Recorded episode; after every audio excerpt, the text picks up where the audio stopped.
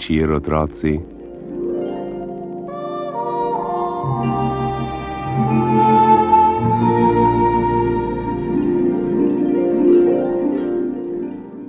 Tako, spet je večer in z njim naša pravljica.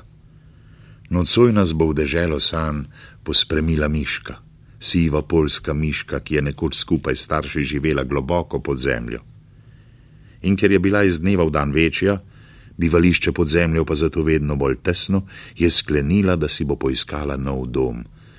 To pa ni bilo tako preprosto. Rila je ob stenah, spredaj, zadaj, pod seboj in nad seboj. Zemlja je bila težka, prepletena s koreninami in polna ostrih kamnov. Začelo se ji je vrteti v glavi, da je pozabila, kje je. Kopala je tudi nad glavo. Kopala je tako dolgo, da se je zemlja zmehčala in kos kamna je priletel miški na glavo. Kako se je prestrašila! Nekaj časa ni videla ničesar, niti ni vedela, kaj se z njo dogaja. Previdno je pomolila glavo skozi luknjo, ki jo je bila izkopala, in se začudila. Visoko na nebu je sijalo sonce. Kdo si? je vprašala Miška. Sonce sem. Grejem vse tiste, ki jih zebe, in skrbim za to, da je na zemlji svetlo. Vsako jutro se pripeljem na nebo in vsak večer se umaknem, ko pride noč. Kdo je noč? je vprašala Miška. To sem jaz, se je oglasila noč. Poznam te, se je razveselila Miška. Ti si čisto črna. Videla sem te pod zemljo.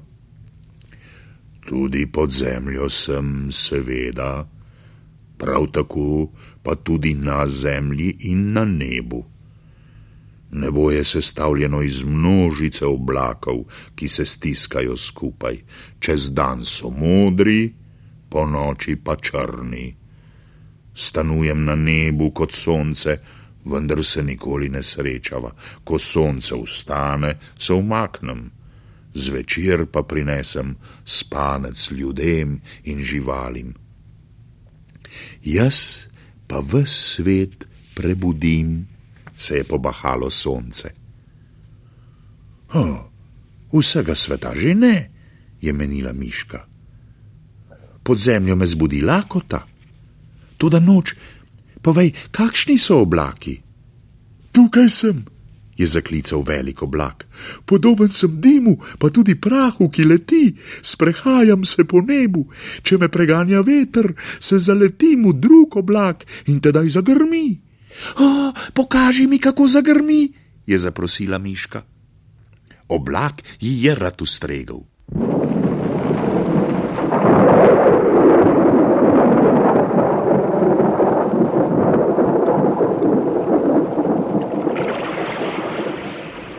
Ko je videl, kako se je razveselila groma in bliska, ji je obljubil še dež. Oblak se je spustil do morja. Pihal je veter in dvigal visoke valove. Oblak se je spustil nizko nad gladino, se drsal po valovih in željno pil vodo. Pil je tako dolgo, da se je napihnil kot balon. Veter ga je dvignil visoko na nebo, majhni oblaki so prihiteli k njemu in ga prosili, naj jim odstopi malo vode, potem so skupaj delali dež. Miška je bila navdušena. Migala je z mokrimi brčicami in mežikala v sonce. Toda sonce se je če dalje bolj oddaljevalo in počasi tonilo za hrib. Mislim, da bo zdaj, zdaj napočil moj čas se je oglasila noč. Spoznala boš luno in zvezde, moje najboljše prijateljice, one vedo, kako sem lepa. Ne poslušaj je, se je oglasila luna, ki je pokukala iza oblaka. Brez mene in zvezd bi bila nočen sam samcat dolgočasen črn oblak. Rada imam noč, je rekla Miška, pa tudi luno in zvezde in sonce, pa veter in dež. Vsi ste moji prijatelji.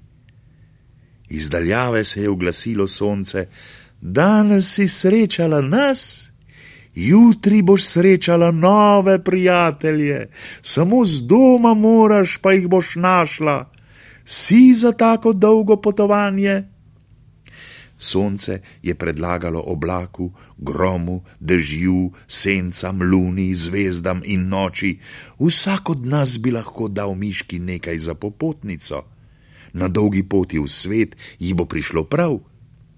Sončev predlog so navdušeno sprejeli, vsak je pripravil svoje darilce in ga dal v nahrbtnik, ki je bil kmalo poln. V njem je bil košček sonca, dimček oblaka, bobnenje groma, deževna kaplja, krajček lune, malo zvezdnega prahu in prgišče noči. Miška se je zahvalila prijateljem, danes je res veliko doživela. Zlezla je nazaj v svojo luknjo, da bi vsem premislila in si odpočila pred velikim potovanjem, ki jo je čakalo zjutraj, zazehala je in kmalo zaprla oči. Predlagam, da tako storimo tudi mi. Premišljujmo vsem lepem, kar smo danes doživeli, in kar naenkrat bodo na naše veke potrkale sanje. Morda tiste v miški in njenih prijateljih, ali pa v vaših prijateljih, so že tu lahko noč.